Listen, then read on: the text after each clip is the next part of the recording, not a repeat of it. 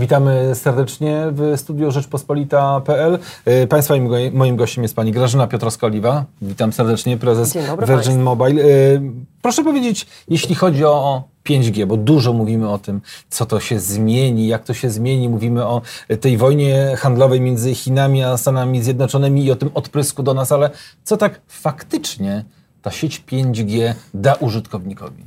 Przede wszystkim dużo słyszeliśmy o może takich przykładach jak autonomiczne samochody, jak e, smart cities, jak infrastruktura zarządzana przez sztuczną inteligencję albo wspomaganą inteligencję, ale tak czy owak wszystko w służbie człowieka. Dlaczego o tym mówię? Dlatego, że po to, aby te autonomiczne samochody mogły działać, żeby smart city w takim wymiarze właśnie jak e, infrastruktura sterowana centralnie, czyli oszczędzająca energię, wodę, wszystkie media, mogła w ogóle funkcjonować, potrzebna jest ogromna szybkość sieci i e, bardzo, bardzo małe, wręcz minimalne opóźnienie, czyli tak zwane latency.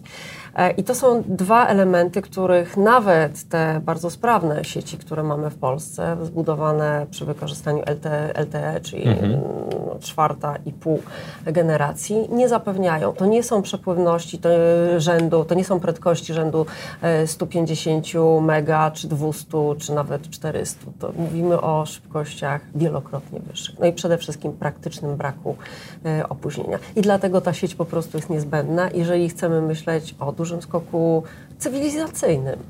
Gdy pani to mówi, to przypomina mi się taki artykuł w tygodniku Polityka.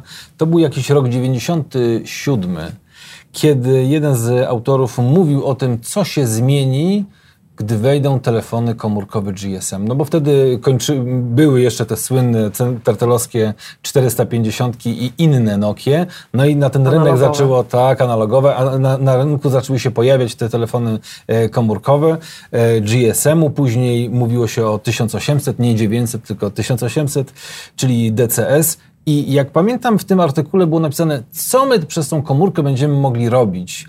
No to była to rewolucja, bo nam się wydawało, że ten telefon to służy tylko do dzwonienia, a okazywało się, że już wtedy ten telefon nie służył tylko do dzwonienia. Więc do czego tak właściwie będzie służył telefon w technologii 5G? To już e, do czego służy. Można popatrzeć, takie mm, jakby zajawki e, już są. Czy Szanghaj, czy Japonia. Mm, Wszelkie informacje dotyczące na przykład, ja nie mówię o lokalizacyjnych, takich podstawowych, z których już korzystamy, tylko wszelkie informacje na temat tego, co się dzieje naokoło człowieka na bieżąco, czyli meteo, restauracje, ciekawe promocje. E, Trochę warto obejrzeć filmów takich e, science fiction, może raport mniejszości,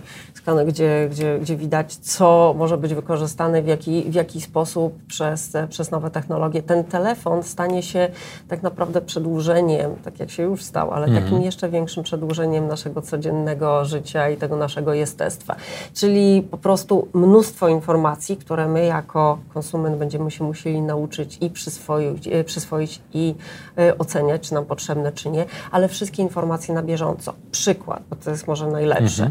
E, Jestem tutaj na prostej, mogę mieć, e, wpiszę sobie, że muszę przejechać na przykład do Arkadii. Będę miała na przykład od razu informację, twoje najbliższe, e, najbliższe metro podjedzie, skład podjedzie za 4 minuty, jeżeli ruszysz w tej chwili, e, jesteś u celu za powiedzmy tam 15 minut, jakkolwiek. Czyli ja nie muszę sprawdzać, robić podglądu, tylko w czasie rzeczywistym. Mam zaprogramowaną w kalendarzu pewną działalność, od razu widzę, ponieważ system informacyjny infrastruktury dostarcza mi informacji na bieżąco. Wiadomo, jak skład funkcjonuje, jak te składy kursują, o której godzinie następny przyjedzie, czy to będą za dwie minuty, czy, e, czy trzy, czy za dziesięć tego typu rzeczy. Tak samo czy kwestie meteo. W tej chwili mamy, ap, mamy aplikację, można z tego korzystać, ale mm, to jest wszystko coś, czego, czego będziemy się po prostu nadal musieli, e, musieli uczyć. Autonomiczne samochody to jest ten taki przykład najbardziej chyba wszystkich interesujący, gdzie jak na razie największym czynnikiem ryzyka e, to jest element ludzki, bo maszyny rozumują, czy sztuczna inteligencja w sposób podobny, a czynnik ludzki jest, co zresztą codziennie widzimy na ulicach Warszawy, bardzo nieprzewidywalny. No, to prawda. Ale mówimy o tej sieci i o tych udogodnieniach, ale z drugiej strony mamy też kwestię naszej prywatności. Jesteśmy w stanie w tym, tych obecnych czasach cały czas tą prywatność jednak chronić, żeby móc też jednocześnie korzystać z tych dobrodziejstw techniki? Czy tego się już nie da pogodzić? Tego się już nie da pogodzić, dlatego że nie da się przekonać człowieka do tego, żeby sam swoich wszystkich informacji, swoich śladów, swoich e, odcisków aktywności nie zostawiał w sieci. Mhm. Namówienie kogokolwiek, żeby przestał zamieszczać zdjęcia, daj Boże, ubrane i e, w pełnym rynsztunku na Instagramie, Facebookach czy w innych mediach społecznościowych i nie epatować e, na przykład na gościu, no to jest tak jak próbować przekonać słońce, żeby jednak nie wschodziło na wschodzie, tylko na zachodzie. To jest misja absolutnie e, karkołomna. Także dopóki my się sami nie nauczymy, że jeżeli, znaczy trudno wykonać, że nie możemy żądać na przykład od firm telekomunikacyjnych albo od regulatorów, że zapewnią nam prywatność, jeżeli rozbieramy się to już to używam mhm. tego przesadnego tak. stwierdzenia, ale jeżeli rozbieramy się po prostu sami, a coraz mniej jesteśmy do tego przyzwyczajeni. Takie rzeczy jak ochrona mm, kont, hasła, zmienianie, nie robienie admin 1, 2, 3, 4 jako kodu dostępu, mhm. e, to się wydaje cały czas, że po co my o tym mówimy, a my ciągle o tym mówimy, a i tak klient robi swoje, bo myśli, że nieszczęścia na ogół do, dotykają wszystkich naokoło, ale nie nas, no przecież nam nikt nie schakuje konta, nam nikt nie przejmie dostępu do środków finansowych na koncie w banku, że takie rzeczy to tylko prasa o tym pisze, a tego jest po prostu coraz więcej. Także nie da się już tego zatrzymać i tak czy owak y, Taki mój, jeden z moich ulubionych przykładów to jest e, akceptacja e, treści umów, mm, na przykład czy w Google, czy, e, czy, czy Facebook, czy cokolwiek na przykład z, z wykorzystaniem um, Apple'a. Czy ktokolwiek czyta te wielostronicowe umowy, które są zaakceptuj warunki. Nie, każdy klika i nawet nie wie, co tam, co kliknął. Także te informacje po prostu zostawiamy wszędzie i niestety śmiem twierdzić, że Mm, nikt na to nie zwraca uwagi. Mówimy o 5G, ale żeby to 5G mogło zafunkcjonować, potrzebna jest infrastruktura. Jeśli chodzi o szybkie łącze, jeżeli chodzi o światłowody, widzimy w ostatnich dniach też pewne ruchy właścicielskie, jeśli chodzi o y, y, właśnie zakup czy też sprzedaż y, tych światłowodów. Co pani to podpowiada? Jaki tutaj trend obserwujemy na rynku?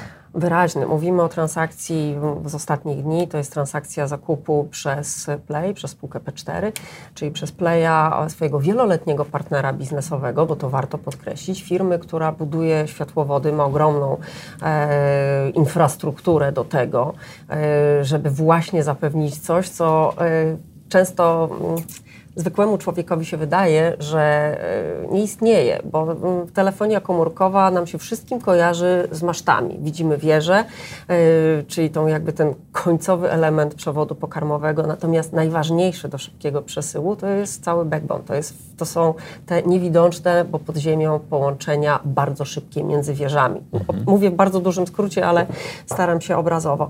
I taką właśnie takiego budowniczego tej infrastruktury i takiego operatora infrastruktury Play właśnie kupił. E, transakcja warta mm, prawie 100 milionów euro pierwszy taki mm, ogromny zakup w historii mm, P4, pierwsza taka transakcja na rynku też, to warto podkreślić, co pokazuje jedną rzecz, że operatorzy ci najwięksi na poważne szykują się do ugryzienia tortu, który się pojawi razem z, z 5G, a bez infrastruktury tej wspierającej, czyli właśnie bez backbone'u, bez, bez światłowodów, to też się po prostu to nie wydarzy. Czy możemy oczekiwać, że i na polskim rynku będziemy obserwować zakupy takich spółek przez te duże firmy, które, które działają w Polsce. Mam tu na przykład y, na myśli y, y, spółkę Zygmunta Solorza.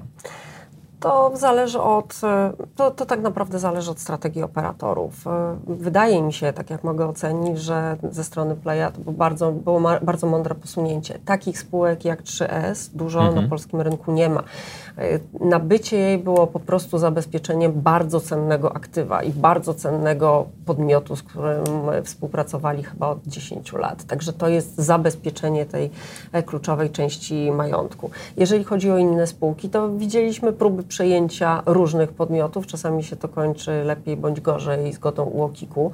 Myślę, że jest ogromna w tej chwili, ogromne zainteresowanie podmiotami świadczącymi usługi budowy i, i, mm, i utrzymania infrastruktury światłowodowej. Także kilka transakcji ciekawych może na pewno może być. To na sam koniec wybiegnijmy trochę e, w przyszłość. Przygotowywaliśmy ostatnio tutaj w Rzeczpospolitej dodatek Miasto 2050. Tak pani trochę myśli o tym, co nas czeka, może nie za 30, ale za 10, za 15 lat.